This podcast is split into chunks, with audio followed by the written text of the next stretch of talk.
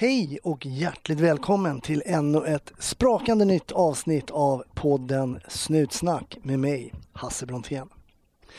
Glöm inte att Snutsnack finns både på Facebook och på Instagram, så besök oss gärna där. Tycker du att podden är intressant så smit gärna in på iTunes och ge en recension där. Och glöm inte, när du ändå är där, att trycka på prenumerera-knappen samtidigt. Idag heter min gäst Tyra och Tyra gick polisskolan 1958, alltså 62 år sedan. Och det här är ju unikt. Tyra är 91 år idag och ni ska snart få höra hur det kommer sig att hon började på Polishögskolan. Men med tanke på eh, dagens gäst så tänkte jag att vi historiskt ska titta tillbaks på hur det ser ut med kvinnor inom polisyrket. För idag så är det ju drygt 60 år sedan då som de första kvinnliga poliserna dök upp på våra gator och torg i Sverige. Det var 24 unga kvinnor som hade inlett sin utbildning vid Statens polisskola. Då var ju polisen kommunal men polisskolan var statlig. Den låg då på Fridhemsplan uppe i Stockholm. Och den första kullen då med kvinnliga elever började den 1 augusti 1957 och redan den 28 januari 1958 tog de examen. Och det visar ju då att utbildningen var mycket kortare jämfört med vad den är idag. De kvinnliga eleverna då fick, början, eh, fick i början praktisk handledning av så kallade erfarna manliga kollegor. Det här var ett arrangemang som väckte stor eh, massmedial uppmärksamhet. Skulle verkligen kvinnor finnas inom polisen? Mindre känt är att kvinnor har verkat inom svenska poliskåren redan för över 100 år sedan. 1908 så var det så att kvinnan inom det svenska polisväsendet började sin verksamhet i lite mer blygsam skala kan man säga. För det var efter ett beslut som fattades den 17 mars 1908 av överståthållarämbetet i Stockholm. Där anställde man på prov tre sjuksköterskor med titeln polissyster. De kallades alltså polissystrar då. Och de tre då som anställdes på prov då hette Agda Hallin, Maria Andersson och Erika Ström. Och deras insatser då skulle eh, senare utvärderas i verksamheten och allting löpte enligt plan och de placerades ut i varsitt polisdistrikt i Stockholm. Man kan säga att bakgrunden då till det här överståthållarämbetets beslut var att Svenska kvinnors nationalförbund hade väckt frågan om kvinnor i poliskåren. Och det la man i en motion till Stockholms stadsfullmäktige 1907 och där hänvisade motionären till ett lyckat projekt som startade 1903 i Stuttgart i Tyskland. För där hade nämligen en sjuksköterska vid namn Henriette Arendt hon hade gjort uppskattade insatser under några år där inom stadens eh, polis. Och hon var kan man säga därmed den första eh, kvinnan i Europa som fick arbeta inom, eh, inom polisen helt enkelt. Ja, vad gjorde då polissystern? Ja, polissysterns arbetsuppgifter det reglerades i minsta detalj. Och enligt beslut då som man fattade, fattade i mars 1908 så skulle polissysterns verksamhet omfatta följande. Eh, man skulle bevaka kvinnor och barn eh, för förseelser som hade intagits liksom till eh, polisstationen, kvinnor och barn alltså. Man skulle genomföra kroppsvisitationer av kvinnor som tagits in till polisstationen. Man skulle beledsaga kvinnor som omhändertagits av polis men som hade behov av sjuk eller barnbördshus. Och sen skulle man hjälpa fattiga och hemlösa kvinnor och barn som kommit till polisstationen. Man skulle också övervaka och förhindra att kvinnor och barn bettlade på allmän plats. Ytterligare en uppgift för polissystern var att som det hette då, att i öfritt ställa sig till efterrättelse såväl i tillämpliga, de för polispersonalen i Stockholm gällande föreskrifter som och de order och bestämmelser som kunna dem varda av vederbörande polisbefäl meddelade. Så där kunde de alltså få andra uppgifter av polisbefälet. Ja, man kan ju konstatera då om man tittar på polissystrarnas arbetsuppgifter att de helt var inriktade på social och medicinsk hjälp och inte då allmänt utan riktat mot kvinnor och barn som hade omhändertagits av polisen. Då. Och polisyrket har ju av gammal hävd varit strikt manligt och eh, det framgår tydligt av bilden av tjänstgörande personal vid Jakobs polisvaktsdistrikt i Stockholm Eh, där kan man se en bild, jag ska se om jag kan lägga upp den här bilden på Facebook, att i mängden av bastanta herrar här i ståtliga uniformer och pickelhuvor och knävelborrar så står på högra raden en bit ner till den nyanställda då, polissystern Erika Ström. Jag lägger upp den här bilden på Facebook så kan ni se den där.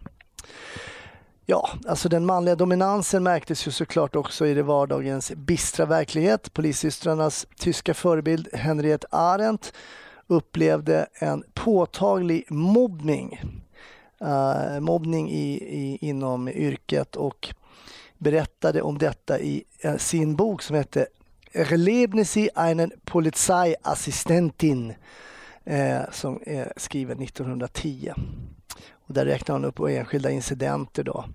Hon lämnade också ut enskilda namn och väckte vederbörlig skandal att skriva vad som hade hänt då när hon blivit mobbad på sin arbetsplats. Ja, det var väl tyvärr så att Henrik, Henriette Arendts erfarenheter var kanske dessvärre ingenting som bara förekom i dåtidens Tyskland.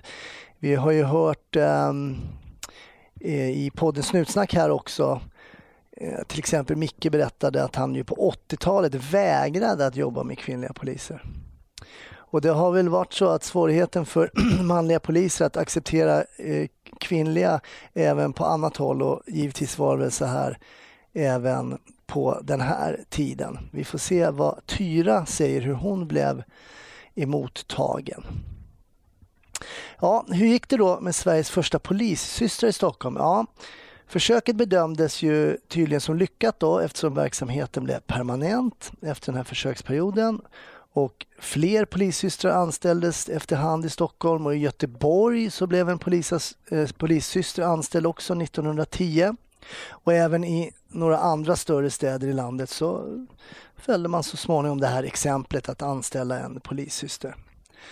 Och om man vill veta vad antagningskraven var på den tiden då, så stod det då så för att få tjänstgöra som polissyster så måste den som blev antagen citat då, ha genomgått högre läroverk med normalskolekompetens samt en av Svenska fattigförbundets anordnad kurs för praktisk och teoretisk utbildning av, för, av föreståndarinnor vid fattigvårdsanstalter och barnhem och eller vara utexaminerad sjuksköterska.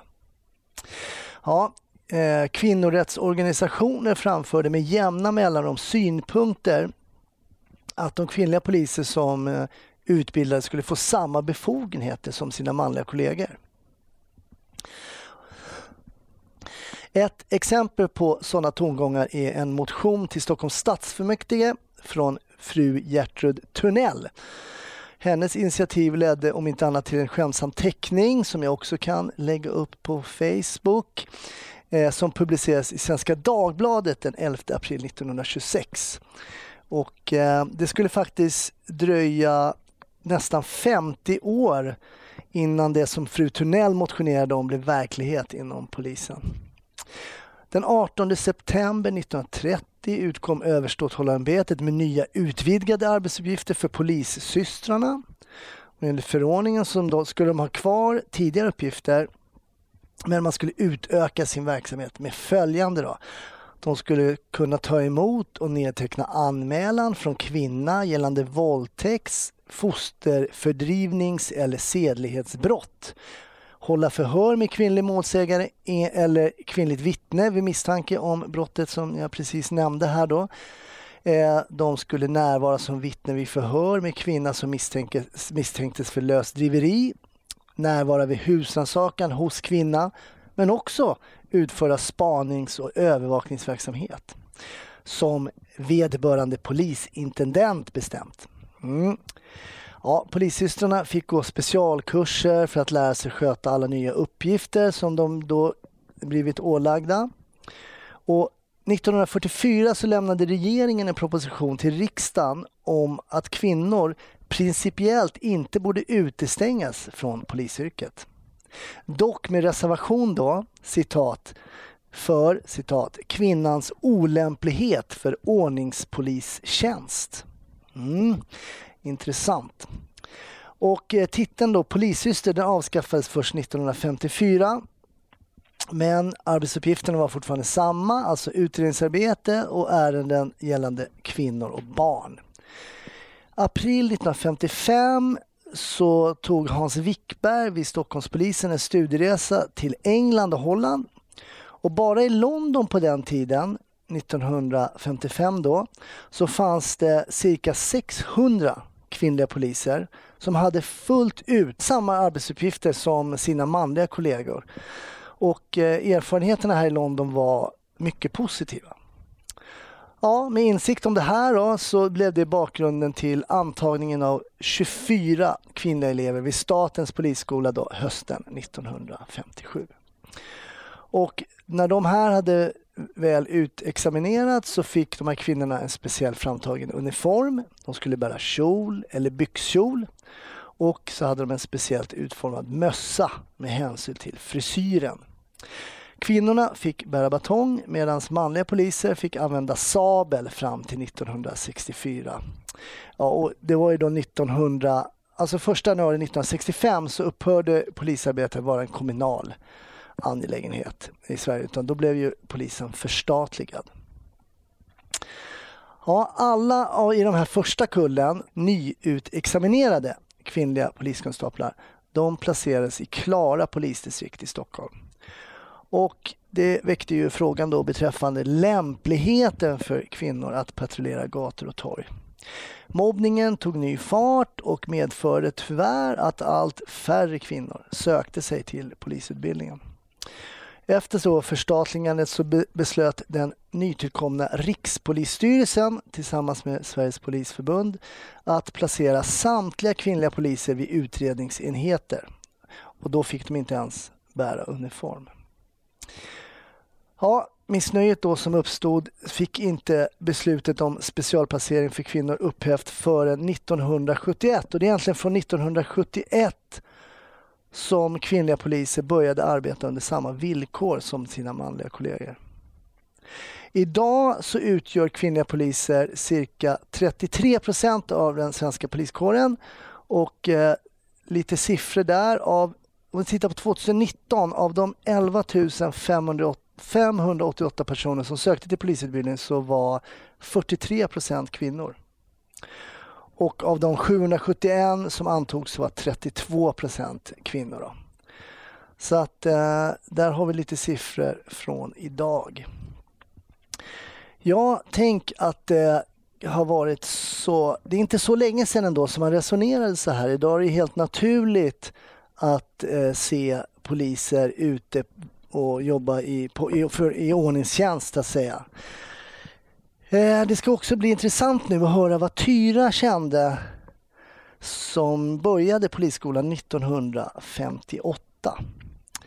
Jag tycker att du ska vara väldigt försiktig där ute med tanke på att det här med corona och pandemin fortfarande inte är över.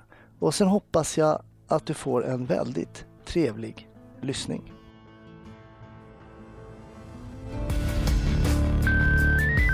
1310 370 kom. 1310 Odengatan kom. Ja, det är uppfattat. Vi tar det. Slut. Bra. Klart slut. Varmt välkommen till Snutsnack Tyra. Ja, jag är med dig. Ja, vad härligt, vad härligt. Eh, det är ju så här att det har ju kommit till min kännedom Tyra att du gick ju polisskolan för ja, 1958. Det är många år sedan det. Det är, det är många år sedan. Det är 60 år sedan, för jag är 91 år idag.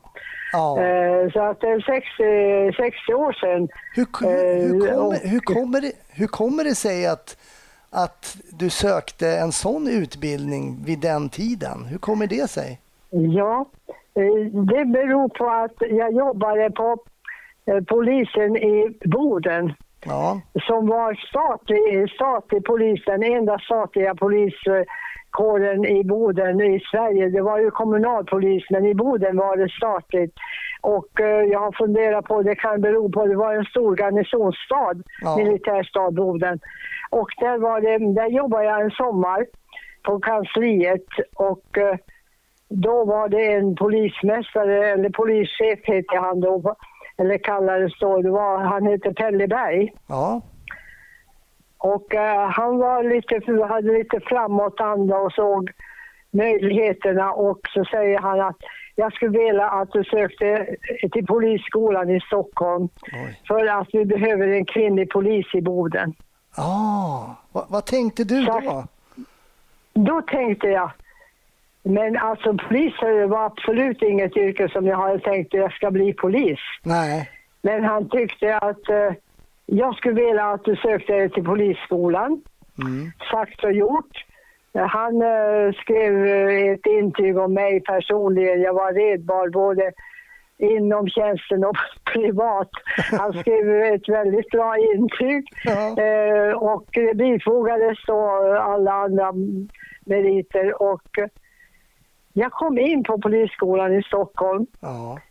Och vi var, mm, och du vet, det var, det var en rolig historia i samband med det för att polisen i Boden hade en trafikkommissarie som var chef för trafiken där. Ja. Och han var överhuvudtaget, han var så mot kvinnliga poliser. Jaha. Så att uh, polisen hade roligt åt honom för han sa, här ska vi inte ha några kvinnliga poliser. Och han hade en eh, sten, en stresssten som man kallar det, som han eh, gick och hade i fickan och de sa att han kommer att nöta ut den där stressstenen för han är så missnöjd över det här. Men den här Pelle Berg då som, han kan ju inte ha... Pelle Berg, han var polischef eh, i Boden och eh, han, ja, han, han frågade ingen. Han tyckte att vi ska ha en kvinnlig polis. Och när jag kom in där ja. så fick jag, jag visste ju att jag sa, det är en plats där direkt. Jag fick ju en känsla eh, direkt. Ja. Alltså då flöt det, alltså för mig, alltså jag behövde egentligen inte söka så mycket själv. Jag fick en känsla där jag sa att jag måste säga att jag är inte intresserad av att gå trafikpolis-delen eh, för att de, man börjar ju också som trafikpolis. Ah, okay. Och jag hade inga önskningar om att gå och promenera eller gå på gatorna och um, i uniform och det utan nej, men då, då ska vi göra så att du gör utredningarna för alla kvinnor som blir, blir, ska förhöras. Så, så då får du hand om de utredningarna. Hur blev... Så att allting laddades framför fötterna på mig helt enkelt. Jag fick bara ta emot. Hur var... Jag vet, jag vet att polisskolan då 1958 var ju betydligt kortare än vad den är idag. Men hur var det att gå och åka ner till Stockholm och gå polisskolan på den tiden? Hade du varit i Stockholm ja. tidigare också eller? Ja, inte alls mycket, men eh, alltså jag, jag minns inget, jag hade ingen motstånd och jag har eh, alltså mot att åka dit och eh, allting gick väldigt bra. Jag fick, jag undrar om det måste ha varit polisskolan, det var på Hantverkargatan och jag fick hyra en lägenhet på Eriksbergs, nej, Sankt, vad heter det, Sankt, på Kungsholmen. Sankt Eriksgatan kanske? Sankt Erik, nej inte Sankt Erik, ja, um, den hette Eriks, ja Eriks, någonting där. Ja. Och jag fick uh, hyra ett rum där, en, en jungfrukammare på, på, uh, på den där Eriks, Eriksson, vad fasen heter det? Inte Erik, Dahl, Erik Dahlbergsgatan kanske, nej? Erik Dahlberg, ja det var på Kungsholmen i alla fall och uh, det var ju inte alls eh, besvärligt och eh, jag förstår inte, jag trivdes väldigt bra med den eh, delen att komma till Stockholm trots att jag var från Boden och hade absolut inte rest mycket. Hur, För det, det, gjorde man ju inte. Hur var din uppväxt i Boden? Var, jag var upp, jag, jag är född i i Tornedalen vid, eh, du känner till Kokkolaforsen, annars är du inte så kanske bevis, men Kokkolaforsen måste du ha besökt. Jag har inte besökt det, men jag känner till Kokkolaforsen, det gör jag. Ja. Du vet, eh, det är ju en, en fors, där bodde min farmor, farfar och farmor och mina föräldrar bodde en bit bort, men de bodde precis vid Så jag brukar säga att jag kommer från Kokkolaforsen, för de flesta människor känner ju till det numera. Ja. För de har, min släkt eh, har den, eh, en konferensanläggning och eh, de fiskar eh, på gammaldags vis. De hovar upp siken från forsen och så att den är ju känd för många människor nu för tiden. Ja. Men jag kommer därifrån och bodde på en bondgård i Tornedalen där. Så dina, föräldrar, dina föräldrar var bönder alltså? Jag var född där uppe, ja. Och dina föräldrar, född, de var bönder på en bondgård? Ja, de hade en eh, stor bondgård och eh, sen så eh, sökte jag, jag gick en handelsskola eh, ett år och sen eh, så eh, min syster hade flyttat till Boden och jag flyttade till dit jag också och eh, började söka olika kontorsjobb. Och hur det var så hamnade jag på polisstation som sommarvikarie och eh, därav denna satt på polisskola. Eller polisutbildning. Ja. Välkommen till Momang, ett nytt smidigare casino från Svenska Spel, Sport och Casino där du enkelt kan spela hur lite du vill. Idag har vi Gonzo från spelet Gonzos Quest här som ska berätta hur smidigt det är. Sí, es muy excelente y muy rápido! Tack Gonzo. Momang, för dig över 18 år. Stödlinjen.se. Sen när du kom tillbaks till Boden och fick tjänst i Boden och sådär, hur blev du emottagen då som den första kvinnliga polisen någonsin i Boden? Hur... Ja, det var, det var lite publicitet kring det naturligtvis. Ja.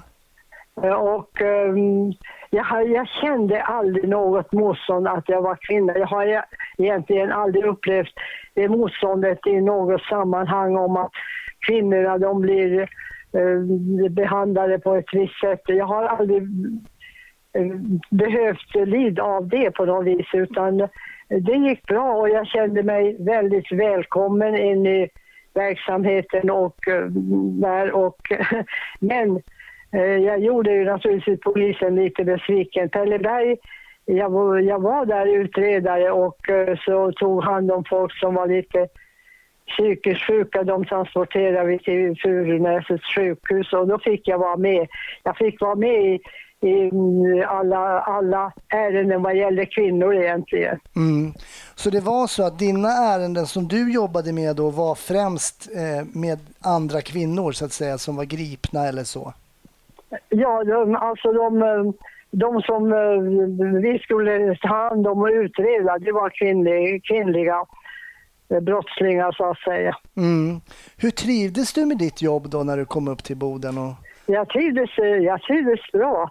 Eh, jag trivdes bra men det, det var så att polishuset i Boden mitt i stan och där var eh, landsfiskal utmätningsman som det hette då, det är Kronofogdemyndigheten idag. Ja. Och där var tingsrätten och alla de här eh, rättsliga verksamheter var i samma hus. Så jag träffade ju både folk från tingsrätten, Kronofogden och uh, polisen. Mm. Så att då var det en uh, landstingsfiskal utmätningsman, alltså det heter Kronofogden numera. Ja. Han sa att du har läst om och de lagarna. Jag vill att du söker över till vår myndighet. Jaha. Du, du blev ju headhuntad inte... hela tiden. De, alla ville att du, du, skulle komma till dem och jobba. På något det var så att jag, jag sa ju som jag hade berättat för mina eh, barn och det att jag behövde egentligen inte söka det. Jag, jag blev erbjuden det eh, precis som det lades upp för mig hur jag skulle få vidare. Och så eh, var det så att Betsberg och Pelleberg kände ju varandra mycket väl. Ja. Och jag pratade med dem båda och uh, sa att jag, jag, jag vet att polisutbildningen, men jag har inte riktigt känsla för att fortsätta som polis hela livet för att uh, jag, jag, kände inte för det utan då, då var det så att Pelle Westberg, heter krono, eller landstingsskadad utmattningsman som han hette. Mm. Han vann det här och han, han sa att jag vill att du söker över till oss för vi behöver en person som du. Och, och det jag gjorde och då blev det väldigt stort. Det var överklagande. Jag tror det var 15 som överklagade tillsättande av den tjänsten. Men jag fick den. Ja, du fick den ja.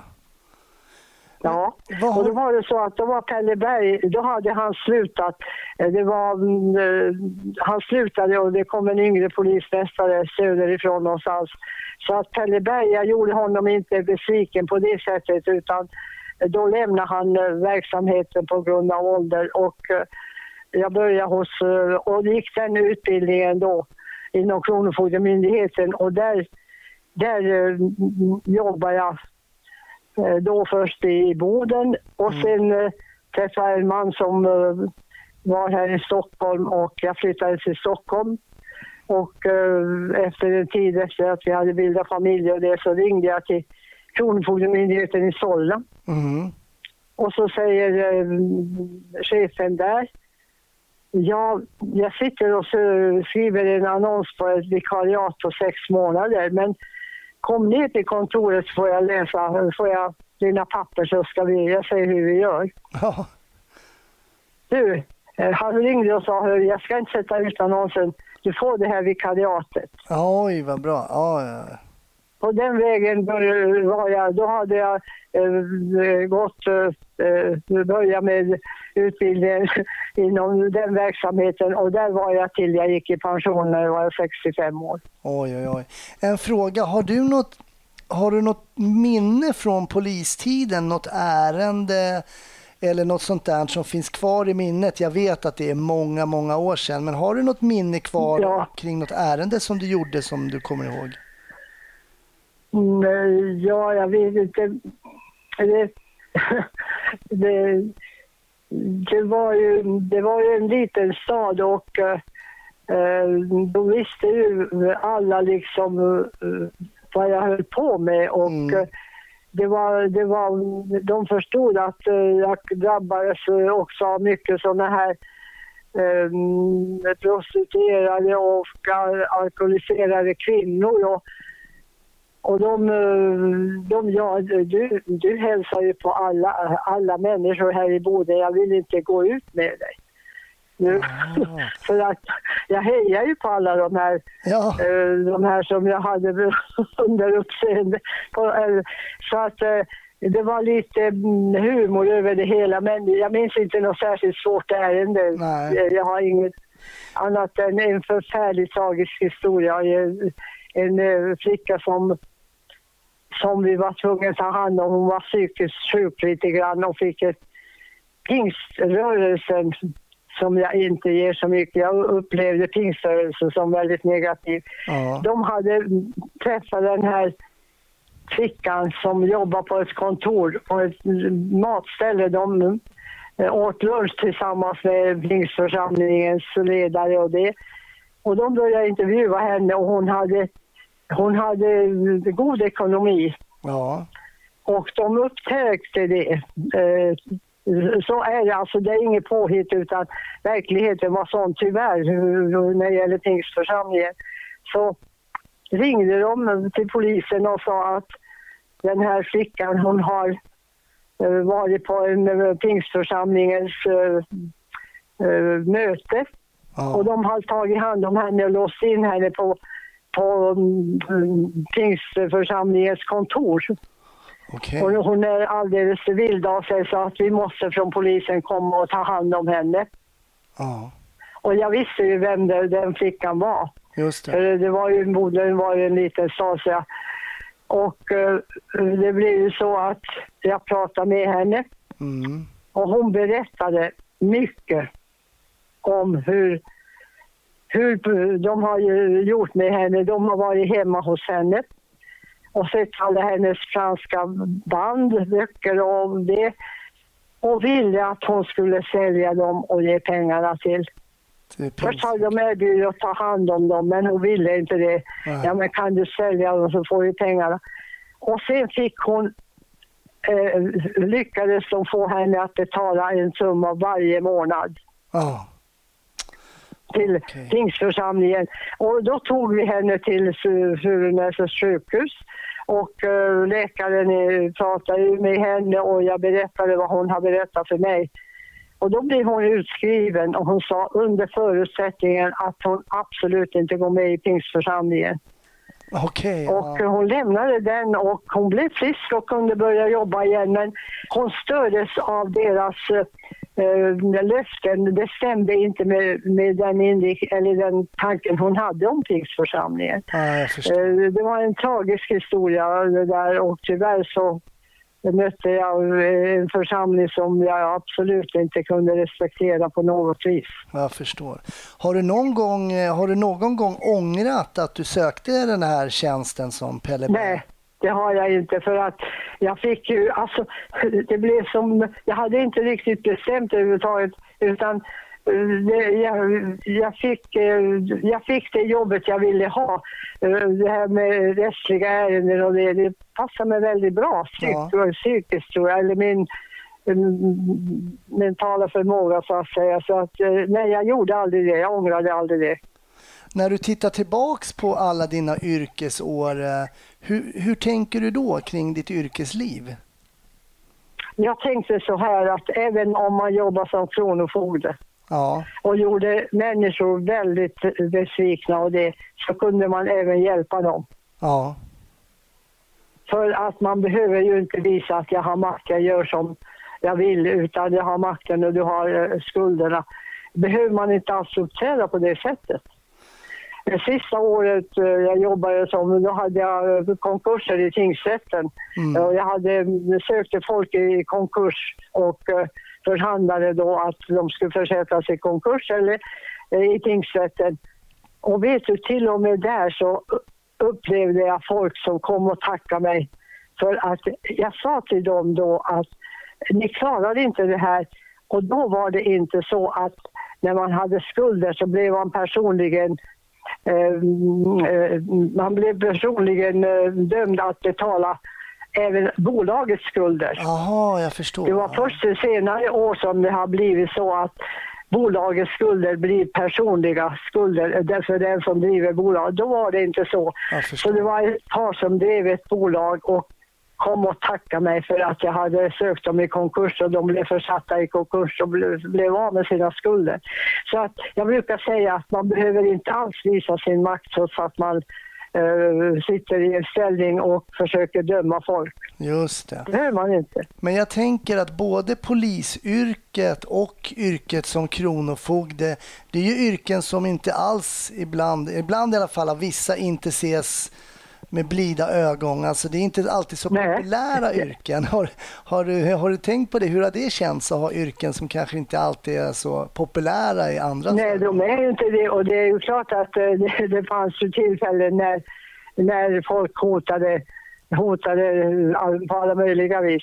Ja. Hur tog, Eh, Så att... eh, hur tog du emot dem när, det- när, du blev, när du blev Ja, jag, jag sa så, så här att, eh, att eh, det hjälper ju inte att hota mig utan eh, det, ja, det, det går ju alltid att prata med folk. Eh, Det gör ju det. Men det är klart att jag har undvikit vissa tillfällen, det kan jag säga. Om du, När man har gått ut från tingsrätten till exempel så har jag, eh, har jag iakttagit om det är någon som går efter mig så har jag gått tillbaka där och väntat ett tag. Ja. Eh, Man får vara väldigt uppmärksam för det finns ju sjuka människor som inte riktigt förstår att de ska gå tillväga på, fel sätt. Nej, jag förstår. Jag tänker om du Tyra, om du var ung kvinna idag, skulle du söka Mm. polisskolan idag tror du? Eh, Du, jag har lite svårt att säga för jag, det har blivit så oerhört. Nu är det det att jag bor i Stockholm och ser de värsta, värsta sakerna som händer så att jag, jag vet inte om det skulle locka mig egentligen som ung just nu. Nej, jag förstår. Eh, eh, de här tiderna för det är, det är en tuff bransch att, att gå, eh, gå den vägen. Det gäller att, ja, jag, jag tror inte jag skulle göra det. Jag kan inte svara på det. det Nej, det är en svår fråga. Det är en svår fråga. Men jag tänker när du läser i tidningar eller lyssnar på nyheter kring polisiära ärenden eller kanske ärenden rörande Kronofogden. Känner du fortfarande att du har en viss koppling till de här yrkena trots att det var länge sedan du gick i pension? Vet du, man har ju alltid lösningar på när man sitter och lyssnar på radio. eller så har man ju alltid lösningar hur man ska lösa det där själv. Ja. Men uh, jag har jag har, det finns inom alla yrken är det ju så här. Det finns duktiga och det finns sämre, de som inte är så lämpliga för alla sina yrken. Och mm. då, då är det ju fel att de har det yrket som de inte riktigt är lämpliga för och att de vill vara där förstår jag inte riktigt. Men du vet, eh, nu, nu tar jag det lugnt men jag är väldigt fortfarande samhällsintresserad och, eh, ja. och följer med eh, dagligen vad som händer. Ja. För det, det tycker jag, det ger mig lite det är lite intressant. Annars är det ju meningslöst att leva och bli bara äldre och äldre och inte veta vad man ska ta sig till. Men... Jag måste få fråga också, det har ingenting med polisyrket, men hur är det att bli, jag menar du är över 90 år, du är 91 år idag. Hur, hur är det ja. att bli äldre? Hur känns det? Uh, du, jag kan säga så här att jag har, jag har inte tänkt så mycket på min alltså de här åldersnumren, att jag är 80 och 85 och jag, jag har aldrig noterat dem inom mig själv. Nej. Jag kan berätta en historia om det också. När jag var på vårdcentralen här, mm. jag hade fyllt 85 år ja. och jag, jag pratar aldrig med någon om hur många år jag är och jag har haft väldigt svårt att ha reda på goda vänner.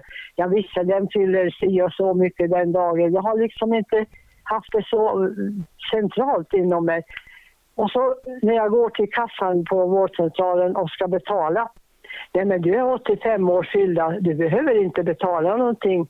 Det är fritt för alla som har fyllt 85 år, det är gratis. Jaha. Vet du hur jag reagerade? Nej. Jag blev så förbaskad. Tänkte, håller de reda på min ålder överallt? Att jag är så många år, för jag har inte tänkt det själv. Nej. Men det vet... Kan du förstå? Så tänkte jag sen inom mig att det var ju Vänsterpartiet som såg till att alla 85-åringar fick fri, fri, fri, fri läkarvård. Okay. Så jag ägnade dem en varm tanke. Men innerst, jag, blev, jag kommer ihåg, jag berättade för folk, jag blev så förbaskad.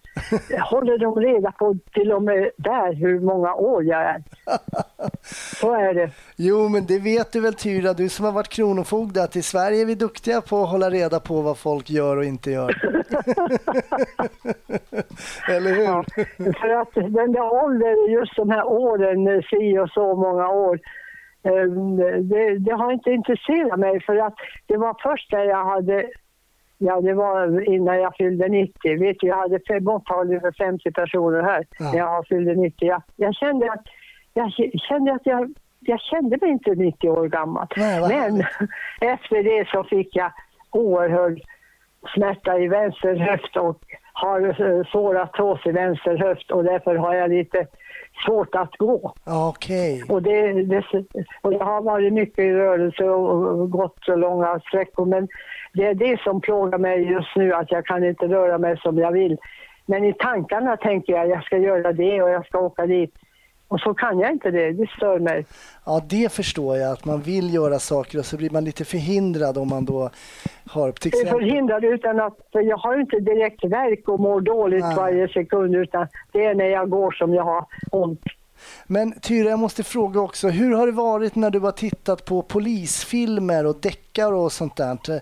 Har det på... Vet du, deckare, deckare har jag äh, äh, nu senaste fem eller Eh, jag har aldrig orkat se dem för jag tycker det händer så mycket i världen så det räcker för mig. Ja. Jag är inte ett dugg intresserad av, av deckare. Jag förstår. Och inte eh, thriller eller jag läser mest eh, biografier och sånt. Ah. Eh, för att, eh, men jag är inte intresserad av deckarfilmer. Nej, jag förstår.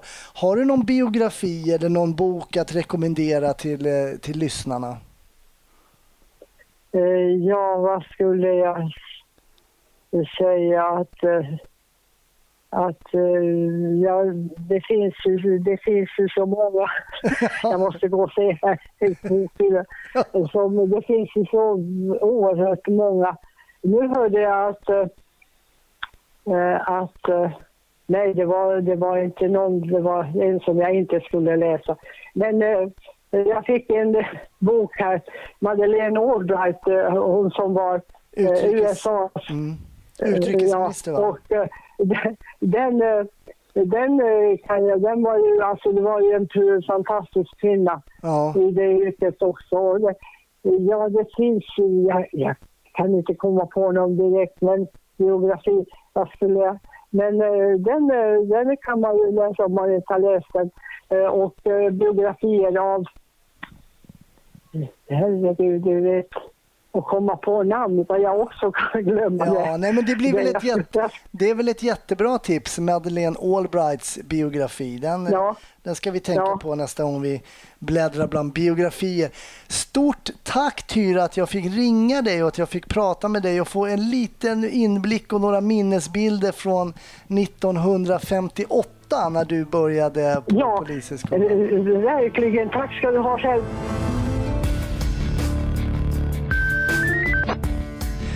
Stort tack för att du har lyssnat på ännu ett avsnitt av Snutsnack med lite historik kring kvinnliga poliser, kvinnans roll inom svensk poliskår. Det kommer ut ett nytt avsnitt om en vecka. Då kommer ett avsnitt från interna utredningar. Mm. Hur är det med poliser som anmäler poliser? Händer det överhuvudtaget? Varför blir inte poliser avskedade? Eller blir de det? Ja, många frågor. En vecka så hör vi på det avsnittet. Ha det jättebra tills dess. Hej då!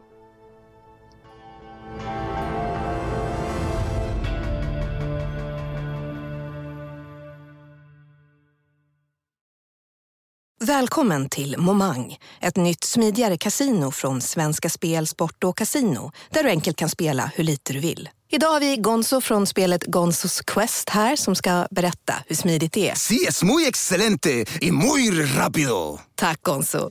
Momang, för dig över 18 år. Stödlinjen.se.